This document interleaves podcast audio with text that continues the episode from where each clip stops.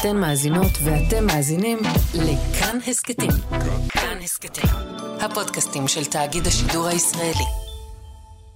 ב-7 באוקטובר המציאות עלתה על כל דמיון, על כל סיוט ליתר דיוק. ומאז כבר קשה להפתיע או לזעזע אותנו. יואו, נתי, נתי, יריות! נתי! אימא'לה, אני ראיתי את זה, נתי! זה לא חילופי אש בח'אן יונס, גם לא ירי חיזבאללה בצפון, זה כאן ברמלה הלילה. אבל כשדווח בשבוע שעבר על ירי טיל כתף נגד טנקים על בית במרכז הארץ, זה עדיין גרם לסוג של זעזוע. אכן אתמול אה, ראינו אה, שימוש באמל"ח אה, חריג, אמל"ח כבד, שזה כלל שימוש בטיל לאו ובמקלע מסוג מאג. כל תקופה עולה רעיון לערב גורמים ביטחוניים, ובראשם את השב"כ, במלחמה בפשיעה הפלילית. הפעם היה זה פרויקטור הממשלה למאבק בפשיעה בחברה הערבית, רועי כחלון. הוא פנה ליועמ"שית גלי בהרב מיארה, ולצד הצעות, דוגמת החמרת הענישה ושימוש נרחב יותר במעצרים אחרי כתב אישום, העלה מחדש את הדרישה לערב את שירות הביטחון הכללי גם בטיפול בעבריינות פלילית.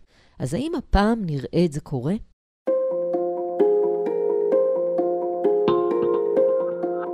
שלום, אתן ואתם על עוד יום, הסכת האקטואליה של כאן. כאן תמר אלמוג. לרעיון הזה של הפעלת השב"כ במלחמה בפשיעה בחברה הערבית היו שותפים לאורך הדרך גם ראש הממשלה נתניהו וכמובן השר לביטחון לאומי בן גביר. אבל בשב"כ מעולם לא אהבו את הרעיון, ולא רק שם, ולא רק מסיבה אחת. ואז הגיע 7 באוקטובר, הייתה ירידה פתאומית בפשיעה, וכל העניין בנושא נזנח. אלא שעכשיו העבריינים חזרו לפעול, והסבלנות של כולם לכלי נשק מסוכנים שמסתובבים חופשי ברחוב הישראלי פקעה סופית. מצד שני, הכנסת גוף שמתמחה בסיכול טרור לתוך עולם הפלילים ממש לא חף מבעיות. אולי זה פשוט הפתרון הקל. אז נדבר על זה עם תומר לוטן, שהיה מנכ"ל המשרד לביטחון הפנים בממשלה הקודמת, בזמן שהמלחמה בפשיעה בחברה הערבית הביאה להישגים. אבל עוד קודם נדבר עם יניר מלך, הוא מנכ"ל חברת האבטחה והמודיעין אביר, ומחבר הספר פשיעה בעם.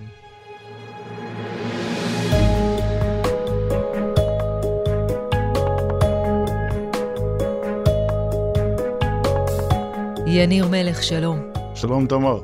ספר לנו קודם כל מאיפה ההיכרות שלך עם הפשיעה בחברה הערבית.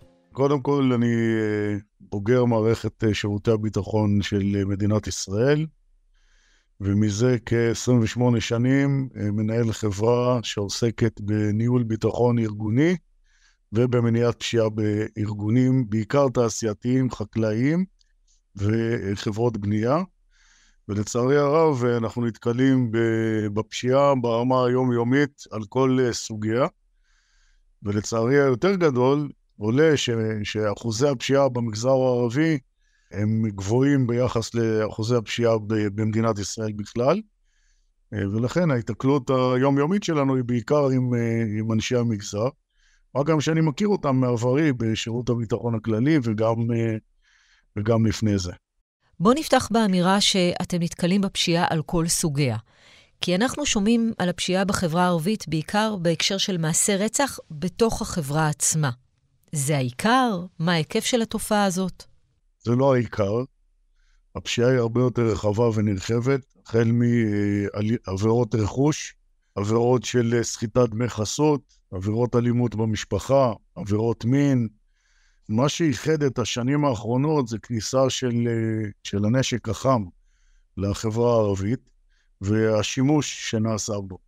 כמעט לפני כמה שנים ידענו אה, על קיומו של נשק חם בחברה הערבית, ולא משטרת ישראל ולא שירות ביטחון כללי נתנו את דעתם למה שקורה אה, בתוך אה, החברה הישראלית בשטח מדינת ישראל, אה, משתי סיבות. אחת, כי משטרת ישראל כמעט ולא טיפלה במה שקורה בתוככי המגזר, ושירות ביטחון כללי לא מטפל באירועים שהם פליליים. ולכן הנשק היה שם, והוא שימש בעיקר, מה שנקרא בערבית, שופוני, ולא נעשה בו שימוש, שימוש ברחוב. בשנים האחרונות, עם התובנות של ארגוני הפשיעה הערבים, ויותר נכון, היעלמותם כמעט של ארגוני הפשיעה היהודים, מאז פרשיית 512, רק נזכיר, תיק 512, התיק הגדול ביותר שהיה במאבק אה, בפשע המאורגן, שהכניס כמה מראשי ארגוני הפשיעה לכלא, כולל שמות כמו אברג'י, לדוגמה.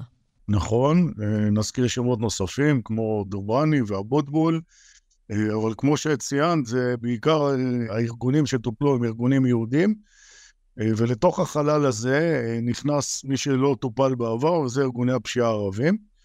אה, שמהר מאוד הבינו שאפשר לעשות שימוש אה, בכלי הנשק שנמצאים בידיהם ובכלל בחברה הערבית אה, ברמה כמעט היומיומית, אם זה למטרות הפחדה, וזה ירי על בתי עסק. כך נראית ונשמעת היממה האחרונה ברהט, ירי, פיצוצים, נפגעים, ובעיקר אימה.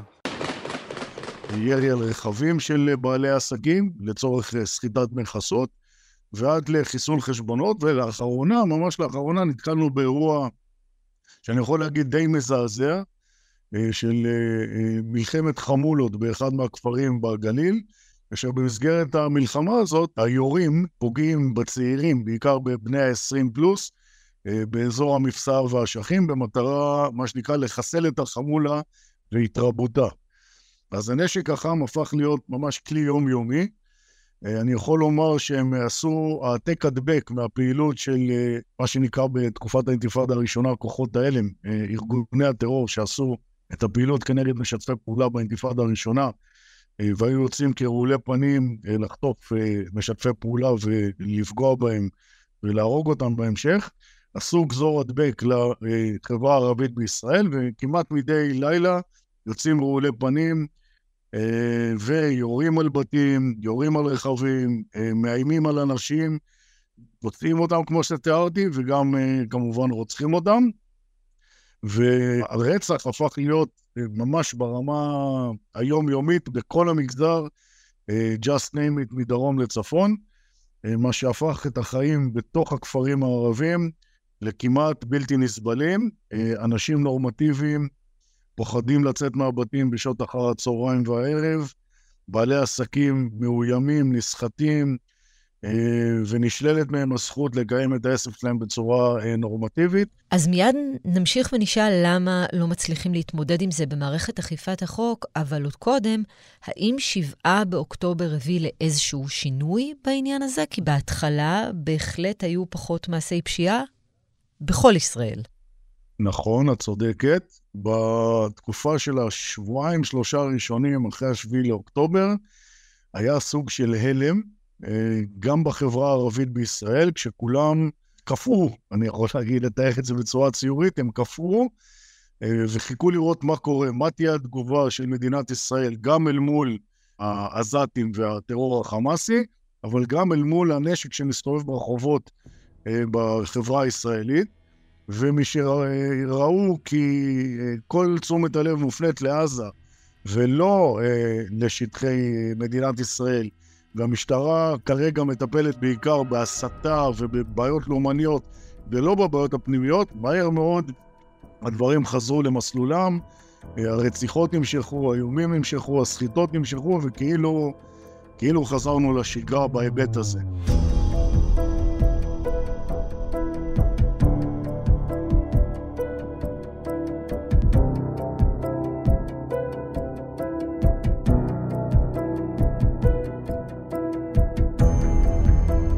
עכשיו, בואו נדבר על מה עושים מבחינת חזרה לשגרה. שגרה במובן מסוים היא שמערכת אכיפת החוק, כאמור, לא מצליחה למגר את התופעה, או לפחות להקטין אותה.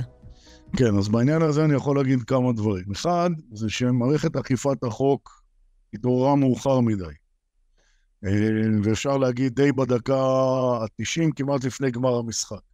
ברגע שהבינו את ההיקפים ואת התופעה, זה כבר במצב שכמעט בכל בית במגזר הערבי יש אה, נשק מכל סוג שהוא, אקדחים, M16 וכולי. זה הגיע לרמות של מאגים, ורק לאחרונה תפסו באחד הרכבים טיל מתדור, שזה טיל אה, נגד אה, טנקים, וכמעט בכל בית, ועכשיו למשל באותו כפר שתיארתי קודם, אותה משפחה מאוימת שבניה נרצחים אחד אחרי השני, אספו כסף כחמולה והלכו לקנות אה, אה, נשקים מסוג M16 מאחד העבריינים ביהודה ושומרון. מגבית מסוג מיוחד. מגבית לטובת אמצעי לחימה בכפר, כאשר ציידו את המשפחה בכלי נשק שא' תוכל להגן על עצמה, וב' תוכל לתקוף את החמולה השנייה. אז אני אומר, האירוע הוא, הוא ממש בעיצומו, והתעוררנו, אפשר להגיד, מאוחר מדי. ההיבט השני, שבגלל השביעי לאוקטובר, באמת כל תשומת הלב כרגע מופנית ללחימה בטרור. ולכן אין פניות מצד כוחות הביטחון אה, לתת את מלוא כובד משקלם על האירוע הזה בחברה הערבית. והדבר האחרון, ואולי החשוב ביותר, הוא שמשטרת ישראל, והיא משטרה מצוינת, אני יכול לציין את זה, אני, אני פשוט מרצה על זה, ואנשים לא מבינים עד כמה יש לנו משטרה מצוינת, אבל היא מתוחה לא עד הקצה, הרבה מעבר לקצה. יש אומרים, יש לה 400 אחוז משימות יותר ממה שהיא מסוגלת לספק. צריך לזכור שגם המשטרה, שהיא מונה היום בסביבות ה... בין 25,000 ל-30,000 שוטרים, אה, שזה בערך פחות ב-9,000 שוטרים ממה שהיא צריכה להיות, ואף אחד לא רואה איפה מגייסים עוד 9,000 שוטרים למשימה הזאת. אבל uh, uh, היא מרובת משימות, הרבה מאוד משימות שנוגעות לביטחון הלאומי ולא לפשיעה הפלילית, וגם במשטרה, לא כולם אנשי מבצעים ואנשי מודיעין, יש גם את הפקידים, ויש את האפסנאים, ויש את היומנאים, ויש נהגים, ויש מכונאים. זאת אומרת, הכוח הזה שמונה כ-30 אלף איש, הוא לא כולו אנשי מודיעין ומבצעים. ויש פה עוד שתי נקודות. האחת, שנהוג לומר שהמשטרה פחות מאורה ופחות מקבלת סיוע מגורמים בתוך החברה הערבית. והדבר השני, התהייה כמה ענישה מחמירה, לדוגמה, באמת מרתיעה, כי יש הרבה מאוד מחקרים שמעידים שזה לאו דווקא עוזר כשמדובר בעבריינות סדרתית, אלא לדוגמה, הפגיעה בכיס יכולה להיות הרבה יותר רלוונטית. הייתה פעם פרסומת של גם וגם. אז אני אומר, א', לשאלתך, נכון, לחברה הערבית יש בהחלט אחריות מלאה על מה שקורה אצלהם גם בכפרים וגם בערים ערביות. חוסר שיתוף הפעולה עם השלטונות הישראלים, אה, המוסדיים, משטרת ישראל, שב"כ וכולי, ש, שבא מתוך היבטים לאומניים, בסוף הגלגל התהפך אליהם לתוך הבית, והביא את האלימות לממדים שהם בעצמם לא מצליחים אה, להבין מאיפה זה קרה, והם לא מצליחים להשתלט עליו. וכרגע זה מאוחר מדי, כי גם המהפך הבין-דורי, זאת אומרת, הצעירים שלוקחים את, ה, את השליטה ברחוב, כבר לא מייחסים חשיבות ולא מתייחסים לדבריהם של המוכתרים או של מכובדי הכפר או העיר. אה, החברה הערבית עצמה היא גם חברה אלימה, בואו לא נשכח שיש בהם אה, אה, כל מיני אירועים, החל מירי בחתונות שמהווה מה שנקרא הצגת, או הצגת תכלית לכוח, רצח על כבוד המשפחה, קטטות בין חמולות, אלימות במשפחה, יחס לאישה, יש שם בעיות שהן אובייקטיביות לחלוטין, בתוך זה, כמו שאמרתי, רק תכניסו את הנשק החם. לגבי עניין הענישה, א', מחקרים הם, הם טובים, ותלוי לאיזה, על איזה חברה הם מתייחסים ולאיזה סיטואציות. ויש לפעמים מצבים שבהם אין מה לעשות, הענישה חייבת להיות אה, מרתיעה ומחמירה וחמורה. ואני יכול להגיד לך שלאורך כל השנים האלה, כשהאירועים האלה מגיעים לבתי המשפט, לצערי הרב, השופטים לא מתרגמים נכון, ובעצם באיזשהו מקום מעודדים את הפשיעה הזאת, כי בסוף היא משתלמת. ומה עוד צריך לעשות, לדעתך, יניר מלך? כלומר, האם הניסיון להכניס פה גורמים כמו השב"כ הוא הפתרון? א', אני חושב שבהחלט כן, מאחר ולשב"כ יש הרבה מאוד יכולות וחוקים שמאפשרים לו לעשות דברים שלמשטרת ישראל לא. שב"כ יכול לעצור אה, על בסיס מודיעין, משטרת ישראל חייבת לעשות את זה על בסיס ראיות. שב"כ לא מחויב לחשוף את מקורות המודיעין שלו, אה, ולא מחויב אה, להציג את הראיות בבית משפט באופן מלא, אלא רק כנתונים מודיעיניים, ומשטרת ישראל לא. שב"כ חייב להיכנס לאירוע, כי מדובר פה בנשק ובכמויות אדירות שמסתובב במגזר הערבי כרגע ברמות של כלי נשק אוטומטיים, אה, מ"גים, טילי, אה, טילי כתף, טילי נ"ט, והוא חייב להגיע לפחות לרמה של איסוף כל כלי הנשק האלה, מאחר וכמו בשומר חומות, אה, ב-7 לאוקטובר אחד הדברים שמאוד חששנו פה בישראל, זה שתהיה התפרצות גם במגזר הערבי הפנים-ישראלי, ופה זה כבר אירוע עם נשק חם, וזה יכול להיות מאוד מסוכן בכל הרמות. השאלה אם זה לא מדרון חלקלק, כי כמו שהגדרת, השב"כ לא צריך ראיות ולא מחויב להציג אותן, את מה שיש. אז היום זה על זה, על שימוש בנשק חם ועל רצח, ומחר על מה שלשר כזה או אחר יהיה נוח להגדיר כעבירה, ושב"כ יהיה מעורב, למשל, גם בטיפול במחאה, לדוגמה.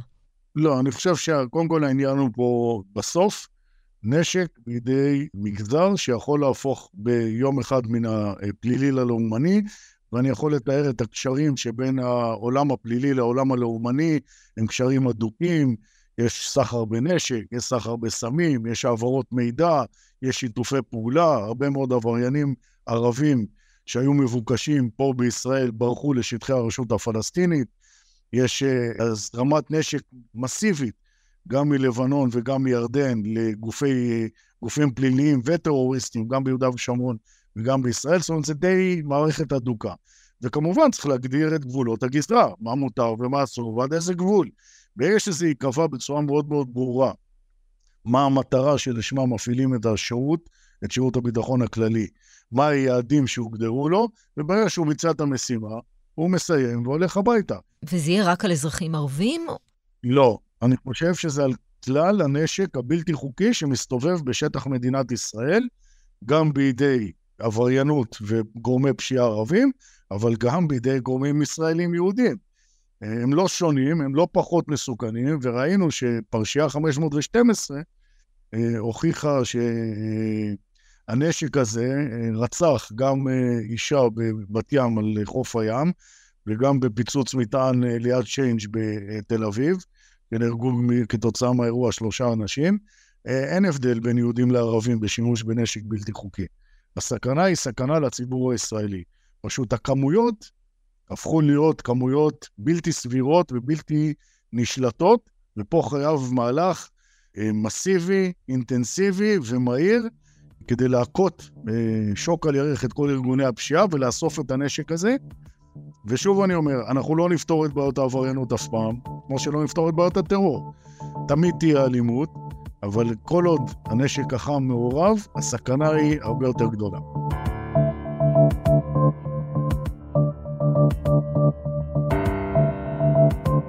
יניר מלך, תודה רבה לך שהיית איתנו. תודה רבה לך, תמר.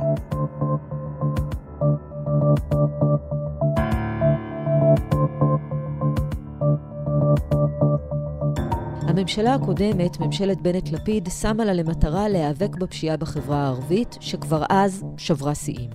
לטיפול בנושא מונה סגן השר לביטחון הפנים, ניצב בדימוס יואב סגלוביץ', והעבודה הזאת נשאה פרי. הייתה בלימה ואף ירידה קלה במספר הנרצחים, שמאז יותר מהוכפל. מי ששימש מנכ"ל המשרד הוא תומר לוטן, ואיתו ננסה להבין עכשיו אם שב"כ הוא באמת הפתרון, ואם לא, אז מה כן? שלום תומר. שלום. נכנסת למשרד לביטחון הפנים ביולי 21, שזאת שנה שהסתיימה עם 126 נרצחים בחברה הערבית, עלייה במספר מהשנה שקדמה לה. הבנתם שזאת בעיה אקוטית? מה עשיתם כדי להתמודד איתה? קודם כל הצבנו את זה בראש סדר העדיפויות שלנו. אה, זה היה מאוד ברור עם הכניסה לקדנציה ההיא שהנושא של הפשיעה והאלימות בחברה הערבית היא הנושא המרכזי שהעמדנו אה, בראש סדרי העדיפויות, רתמנו לטובת העניין גם את הממשלה כולה, ולמעשה בשבועות שבאו מיד אחרי השבעת הממשלה גובשה תוכנית לאומית מאוד מאוד מקיפה ומשמעותית למאבק בפשיעה ואלימות בחברה הערבית, תוכנית שכללה הרבה הרבה מאוד אה, היבטים, גם אה, תקציביים, גם אה, משטרתיים, גם נושאים רבים שקשורים לעבודה של משרדי ממשלה נוספים, גם עבודה מוניציפלית, גם עבודת מניעה, גם עבודת חקיקה, הרבה הרבה הרבה מאוד אלמנטים. כולם יצאו לדרך בהחלטת ממשלה שהתקבלה בסוף אוקטובר 21, החלטה 549, ובאמת בעקבותיה, עם הכניסה לתוך שנת 22, יצאו לדרך אוסף מאוד מאוד נרחב של פעולות אה, בכל אותם היבטים שהזכרתי קודם, אה, והתוכנית הזאת, שלשמחתי, כבר במהלך שנת 22 הצליחה לשנות את המגמה, וראינו אה, שתוך שנה אחת בלבד, למעשה, מגמת הפשיעה או מגמת הקורבנות בחברה הערבית התחלפה, וסיימנו את שנת 22 עם 106 נרצחים, שזה מספר אומנם גבוה, אבל בפעם הראשונה אה, הציג ירידה אחרי כמעט עשור של עלייה אה, רציפה. ושנה אחרי שהתוכנית הזאת מופסקת, התוכנית שיזמתם, גם מספר הנרצחים יותר מהוכפל. נכון, זה באמת אה, דוגמה מאוד מאוד מוחשית לכמה מדיניות ציבורית או ממשלתית אה, יכולה לעשות שינוי גם לטובה וגם לרעה, כי למעשה עם חילופי הממשלות בתחילת שנת 23, כמעט כל ההיבטים שהזכרתי קודם, כמעט כל מרכיבי התוכנית הלאומית הזאת קרסו בזה אחר זה, בין אם בצורה מכוונת יותר, בין אם בצורה מכוונת פחות, ובאמת נכנסנו לשנה המדממת ביותר בהיסטוריה של החברה הערבית בישראל, אגב, גם של החברה היהודית, והגענו למספרי קורבנות אה, בלתי נתפסים של למעלה מ-240, יותר מפי שתיים ממה שהיה קודם, מה שהוכיח שבאמת אה, יש, יש משמעות מאוד גדולה לניהול מדיניות ציבורית בנושא הזה, כשאתה, כשאתה רוצה ואתה נחוש ואתה מוביל ואתה מנהל תוכנית, יש לה הצלחות, וברגע שאתה משנה כיוון, מרפא ומפסיק לעבוד בזה, המציאות פשוט אה, טופחת על פניך לטרגדיה נוראית.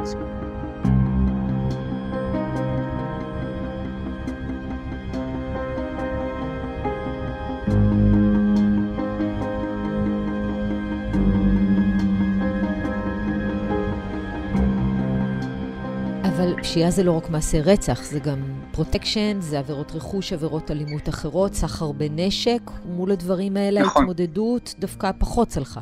זה נכון שהמדדים לנושא של אלימות ופשיעה הם מגוונים והם לא רק נרצחים, אבל כן, כן מקובל לראות את מדד הקורבנות כמדד מאוד מאוד יציב, אה, שמקרין על הרבה מאוד נושאים אחרים. כלומר, ברגע שמדד הקורבנות אה, משנה כיוון, בדרך כלל זאת עדות לכמעט כל יתר הנושאים, אבל כפי שציינת, בצדק, ישנם נושאים קשים יותר, או נושאים שבהם אני חושב שהצלחנו הרבה פחות, כמו באמת נושא הפרוטקשן, שהוא נושא יותר קשה לפתרון, יותר מסובך, נושאים שיותר קשורים ל...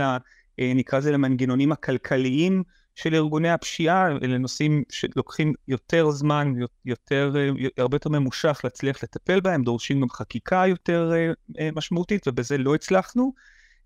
אז אני אגיד באופן נרחב שלטפל בצורה שיטתית בפשיעה ואלימות אה, באמת נדרש אורך נשימה של כמה שנים, אפשר להגיע להישגים די מהר, אבל כדי לייצב אותם ולהפוך אותם למאוד אה, עמוקים ומשמעותיים, נדרש אה, פרק זמן יחסית ארוך. והשאלה היא, מעבר לפרק זמן יחסית ארוך, גם צריך כלים אחרים, חשיבה אחרת. אולי לערב את השב"כ במאבק בפשיעה בחברה הערבית, שזאת בעצם הצעת הפרויקטור. אולי זה הפתרון, אם הכלים של המשטרה לא מספיקים. אה, קודם כל, הנושא הזה, לשלוף את השב"כ כפתרון עולה, עלה פעם אחר פעם, לא רק בהקשר הנוכחי של הפרויקטור, אלא גם לאורך הרבה פעמים על ידי פוליטיקאים כאלה ואחרים, על ידי נתניהו בעצמו. אנחנו נחושים להילחם בתופעה הנפשעת הזאת, ובראש ובראשונה, בראש הנחש, בארגוני הפשע. לצורך כך אני אכנס היום ישיבה מיוחדת של משרדי הממשלה והייעוץ המשפטי, כדי לשלב את השב"כ במאמץ ממוקד נגד משפחות הפשע. בן גביר ואחרים כאיזשהו סוג של פתרון קסם. אז, אז אני רוצה להגיד על זה כמה דברים. ראשית, גם היום השב"כ מעורב בעולמות של פשיעה בישראל, באותם מקומות שבהם הפשיעה פוגשת את חוק השב"כ. כלומר, נוגעת למשל בסמלי שלטון, למשל רצח של מנכ"ל עירייה, ירי או פעילות אלימה כלפי מוסדות שלטוניים כאלה ואחרים. במקומות האלה השב"כ כבר היום, הוא כבר לאורך השנים האחרונות מתערב ומסייע למשטרה אה, להצליח, אז, אז במובן הזה הדבר הזה קיים. האם אנחנו רוצים שהשב"כ ייכנס באותם מקומות שהם לא נושאים שב"כים, כלומר נושאים פליליים בהגדרתם? התשובה שלי היא חד משמעית לא, כי השב"כ מביא איתו, הוא אוחז בכלים שחלקם הם כלים מאוד מאוד אנטי דמוקרטיים, כמו חקירות מסוג מסוים, כמו הפעלת אמצעים טכנולוגיים מסוג מסוים, כמו הפעלת אמצעי חיפוש מסוג מסוים, שהם כלים שאנחנו רגילים לראות אותם פועלים בשטחים או כלפי הטרור, ובשום אופן אני לא חושב שצריך להפעיל אותם כלפי אזרחי ישראל. יחד עם זאת, ישנם כלים מסוימים שהשב"כ מחזיק היום, ושאני חושב בפירוש שיש מקום את חלקם להעביר למשטרה. למשל, חדירה לטלפונים תחת תנאים מסוימים, או למשל יכולת חיפוש בבתים תחת תנאים מסוימים. בשביל לעשות את השינוי הזה, לא צריך להכניס את השב"כ, אלא פשוט צריך לחזק את המשטרה.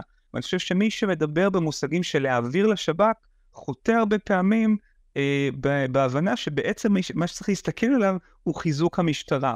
והרבה פעמים אנחנו רואים את הפוליטיקאים בורחים מהאתגר הזה או מההתמודדות הזאת של להגיד המשטרה צריכה עוד כלים, כי זה כמובן מעורר קושי ציבורי, אזרחי, תקשורתי, ו- ו- ופשוט בורחים בעצלנות מסוימת לתוך אה, איזשהו ניסיון להביא את השב"כ פנימה. אז בשורה התחתונה אני חושב שאנחנו לא צריכים את השב"כ יותר מאיפה שהוא מעורב היום, אבל אנחנו בפירוש צריכים לסייע למשטרה להשיג ולשפר את כלי העבודה שלא נמצאים ברשותה היום, כדי לשפר את הטיפול שלה בפשיעה אה, מורכבת ומאורגנת. אבל יש פה עוד שני עניינים, תומר לוטן. א', זה אחריות גם של החברה הערבית עצמה או של מנהיגיה, וב', כמה למשטרה באמת יש יכולות, בטח ובטח בתקופה הזאת, אחרי 7 באוקטובר. כן, אז אלו באמת שתי שאלות מאוד אה, שונות אחת מהשנייה. אני, אני מסכים מאוד שלחברה הערבית יש אחריות אה, רבה ביכולת שלה לייצר, נקרא לזה, תרבות של ציות לחוק. זו בעיה שאנחנו רואים אותה, היא בעיה רחבה בחברה הערבית, שאנחנו רואים אותה מסוגיות כמו אה, עבירות תעבורה ועד העלמות מס ושוק שחור ו- ו- ודברים מה- מהסוג הזה. מצד שני צריך לזכור שכשמדובר בפשיעה מאורגנת ורצינית, שנמצאת בחלקים נרחבים מאוד בחברה הערבית, הבעיה נמצאת כבר במפלס כל כך גבוה, שאי אפשר לצפות לא מראשי ערים ולא ממנהיגות מקומית או מוניציפלית או, או אפילו פוליטית להצליח לגעת בבעיות האלה. כשהפשיעה היא כבר לא איזה סכסוך, אה, סכסוך שגולש לאלימות בבית ספר או, או בכביש, אלא הופך להיות פעולה מאורגנת של ארגון פשיעה חמוש, אה, ממומן היטב, שמחובר למנגנונים כלכליים כאלה ואחרים, בסופו של דבר המדינה היא זו שצריכה להיכנס פנימה, ואני בכוונה אגב לא אומר משטרה, כי כש, כשמדובר על מאבק רציני, חזק ונחוש כלפי פשע מאורגן, זה לא מספיק רק משטרה, אנחנו צריכים את רשות המיסים בתמונה, אנחנו צריכים את משרד האוצר בתמונה, אנחנו צריכים את הרשות להלבנת הון בתמונה, ועוד ועוד ועוד הרבה, וכמובן משרד המשפטים ומערכת אכיפת החוק ובתי המשפט ואת המחוקקים, ולכן פשיעה כתופעה לאומית היא, היא אירוע שהוא גדול מאוד מאוד, ובסופו של דבר היכולת אה, להניע מין כזה, איך אני אגיד את זה, סופה מושלמת כזאת, סערה מושלמת שמצליחה להניע את המעגלים כולם, לא מספיק מפכ"ל, ואפילו לא מספיק שר מוצלח לבט"פ, אלא צריך ממש ממשלה שמעוניינת בזה. במקרה שלנו עכשיו אנחנו רואים שכל השחקנים בתמונה הזאת, מראש הממשלה, שממש לא מתעניין בנושא של הפשיעה בחברה הערבית, עבור בשר שלא רק שלא מתעניין, אלא גם עוין כלפי החברה הערבית, וטוב, כל מה שנאמר עליו לדעתי כבר נאמר, אז אני לא עוד להוסיף, וה, והמשטרה שהפכה להיות באמת שבויה, במיוחד בחודשים האחרונים בידי השר, בעצם, בעצם כל השחקנים המרכזיים שהיו יכולים לחולל את אותה סופה מושלמת, כבר לא בתמונה, ולכן הפשע בכלל, ובחברה הערבית בפרט, נמצא עכשיו במגמות מאוד מאוד נרחבות, אה, אנחנו רואים אותו באמת משתולל ברחובות, והדבר האחרון שאפשר באמת לומר על הממשלה הזאת, היא שהיא הצליחה לספק ביטחון אישי למדינת ישראל. אבל כן צריך לומר ש-7 באוקטובר השפיע על פשיעה בכלל ובחברה הערבית בתוך הכלל הזה. כן, אבל זאת, זאת אה, השפעה מאוד משנית. מה שהוריד את אה, רמות הפשיעה בחודשיים הראשונים, חודשיים וחצי הראשונים אחרי המלחמה, הוא פשוט הנוכחות המאוד מאוד גבוהה של כוחות ביטחון בצירים ברחבי הארץ. זה, אנחנו אגב ראינו את זה בהרבה מאוד דוגמאות בעבר, כאשר היו התחממויות ביטחוניות כאלה ואחרות שיצרו נוכחות יחסית גבוהה של כוחות ביטחון, הפשיעה יורדת כי העבריינים או הפושעים לא רוצים להסתכן, הם מאוד, מבינים מאוד מהר שבכבישים מחכות גם הרבה מאוד ניידות, ולפעמים אפילו גם כוחות צבא. אין פה השפעה מהותית על המחוללים של הפשיעה או למוטיבציה שלה, ובאמת ראינו שחודשיים שלושה אחרי המלחמה, רמות הפשיעה ובוודאי הנרצחים בחברה הערבית חזרו להיות כמו אה, בעבר. יש נושא אחר שקורה בישראל שהוא לא קשור ישירות לפשיעה בחברה הערבית, אלא קשור בעיקר לנושא של גניבת רכבים ופריצות לבתים, וזה שככל שקו התפר פתוח והגדר הפרוצה שלנו לא נשמרת uh, בצורה משמעותית על ידי כוחות סדירים או כוחות מילואים, אז הפשיעה הזו מאוד מאוד גבוהה. ובדרך כלל כשיש לנו אירועי uh, התחממות ביטחונית, כמו החודשים האחרונים, יש הרבה יותר נוכחות סביב אותן פרצות בגדר, הרבה פחות שב"חים שנכנסים פנימה, וכתוצאה מכך גם הרבה פחות גנבות רכבים ופריצות לבתים. אבל זה לא כתוצאה מפעולה נחושה כלפי התופעה הזאת, אלא כאמור פשוט כתוצאה מנוכחות ביטחונית שמופנית כרגע למאמצים אחרים.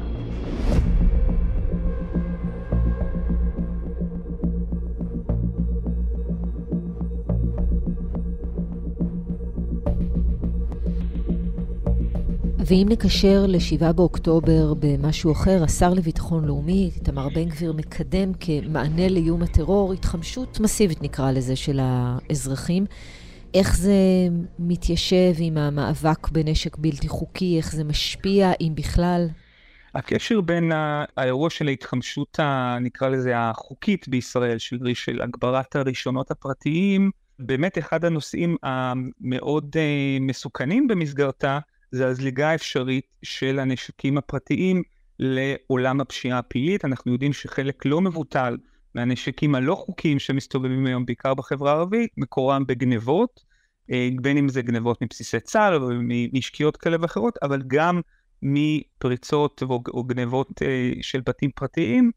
אז אני מעריך שיהיו לנו בעתיד אירועים שבהם אנחנו נזהה שנשקים ששימשו את המגזר הפלילי, נגיד, או המגזר העברייני, אם נתחכה אחרי העקבות שלהם, אנחנו נראה שבסוף הם יהיו, הם, הם נשקים שפוזרו או הגיעו לבתים במסגרת ההתחמשות האזרחית שאנחנו רואים עכשיו במדינת ישראל, וזה מאוד מאוד מסוכן. אבל כמו שאומרים, כן, אבל גם במקרה הזה, א', אולי העובדה שזה יכול אה, לשמש, או עלול לשמש לעניינים פליליים, היא לא סיבה למנוע את הנשקים לאזרחים, כי מי שרוצה לבצע עבירה יבצע עם או בלי ההתחמשות המסיבית החוקית. ודבר שני, זה לא משהו שהוא רלוונטי רק לפשיעה בחברה הערבית, צריך לומר ביושר. נכון, אני מסכים איתך. זאת אומרת, אני, מה שהזכרתי לגבי הקשר בין אה, התחמשות אזרחית לבין פשיעה פלילית הוא בהחלט קיים, אבל האם הוא השיקול המרכזי שצריך ללוות אותנו בשאלת מדיניות הנשק הפרטי? היא, היא אחת מבין אוסף גדול מאוד של שאלות. בסופו של דבר, כשאנחנו שואלים את עצמנו כמדינה, וספציפית מדינת ישראל, איך צריך לנהל את מדיניות הנשק הפרטי, אנחנו צריכים בעצם למצוא את דרך המלך בין שני כתבים. בקוטב אחד, ההבנה שנשק פרטי שמצוי בקרב אזרחים מייצר אצלם, אצל חלקם תחושת ביטחון אישי גבוהה, ומסייע במקרים מסוימים מאוד בבלימת אירועי טרור כאלה ואחרים. בצד השני של המשוואה מצויות כלל הסכנות והתופעות השליליות של נשק פרטי. אה, רציחות, איומים, התאבדויות, אה, שודים, גנבות, פריצות וכולי וכולי, ואנחנו יודעים שככל שיש יותר נשק בקרב האזרחים, יש יותר מהתופעות האלה. אני חושב שלאורך שנים מדינת ישראל מצאה את הנתיב של בין שני הכתבים האלה בצורה יחסית טובה, כלומר עדיין מדינה מוכת טרור, ו- ומצד שני הצ- הצלחנו להחזיק מפלס נשק וחלוקת נשק או אה, נוכחות של נשק בצורה שהייתה יחסית מאוזנת. מה שקורה לנו בחודשים האחרונים מפר את האיזון הזה. אנחנו עוד לא רואים את המשמעויות של ההפרה הזאת, כי אנחנו עדיין נמצאים בתקופת לחימה, והמלחמה מאוד משמעותית. אני מעריך בסבירות, שבסבירות גבוהה בשנים הקרובות נראה יותר מתוך התופעות השליליות האלה, ונצטרך לחשוב טוב טוב איך אנחנו מחזירים את השד לבקבוק אנחנו מחזירים לאחור חלק מהתופעות השליליות האלה שנפתחו לנו עם הבולמוס הגדול הזה של ההתחמשות, בין היתר על ידי פיקוח הרבה יותר חזק, על ידי אפשרות משמעותית יותר של אזרחים להחזיר נשק כאשר הם ירגישו קצת יותר בטוחים, וצריך לזכור עוד דבר אחד אחרון, אנחנו מותחים קו ישר בין נשק פרטי לבין אה, ביטחון אישי, כאשר מדינה צריכה להפעיל עוד כלים כשהיא רוצה לחזק את הביטחון האישי בקרב אזרחים, בין אם זה כיתות כוננות, או משמר אזרחי, או, או הגברת נוכחות של, משט, של משטרה, או, ועוד ועוד כלים שלא, שהם אינם דווקא חלוקת נשק פרטי. כלומר, שאנחנו רוצים כמדינה, כקובעי מדיניות, לחשוב על העצמת הביטחון האישי של האזרחים, אסור לנו לחשוב רק דרך הפריזמה של נשק פרטי, זאת תהיה טעות לעשות את זה, במיוחד כי האירוע הזה הוא כמעט בלתי הפיך. נשק שנכנס לבית, בדרך כלל כמעט מאוד מאוד קשה להחזיר אותו אחרי זה חזרה. תומר לטון, תודה רבה לך שהיית איתנו. תודה רבה לכם. האזנתם והאזנתם לאודיו. העורך דניאל אופיר, עיצוב קול ומיקס חן עוז, על הביצוע הטכני משה מושקוביץ, בצוות האורחים יותם רוזנבלד. פרקים חדשים של עוד יום עולים בכל ראשון, שלישי וחמישי, ולכולם ולהסכתים נוספים מבית תאגיד השידור הישראלי אפשר להזין ביישומון כאן, באתר שלנו או בכל יישומון אפליקציית הסכתים. אפשר ומומלץ לעקוב אחרינו וללחוץ על כפתור ההרשמה כדי שלא תפספסו אף פרק. אותנו אפשר להשיג גם בקבוצת כאן הסכתים בפייסבוק, או בחשבונות שלי בפייסבוק או בטוויטר. כאן תמר אלמוג, שנדע רק בשורות טובות.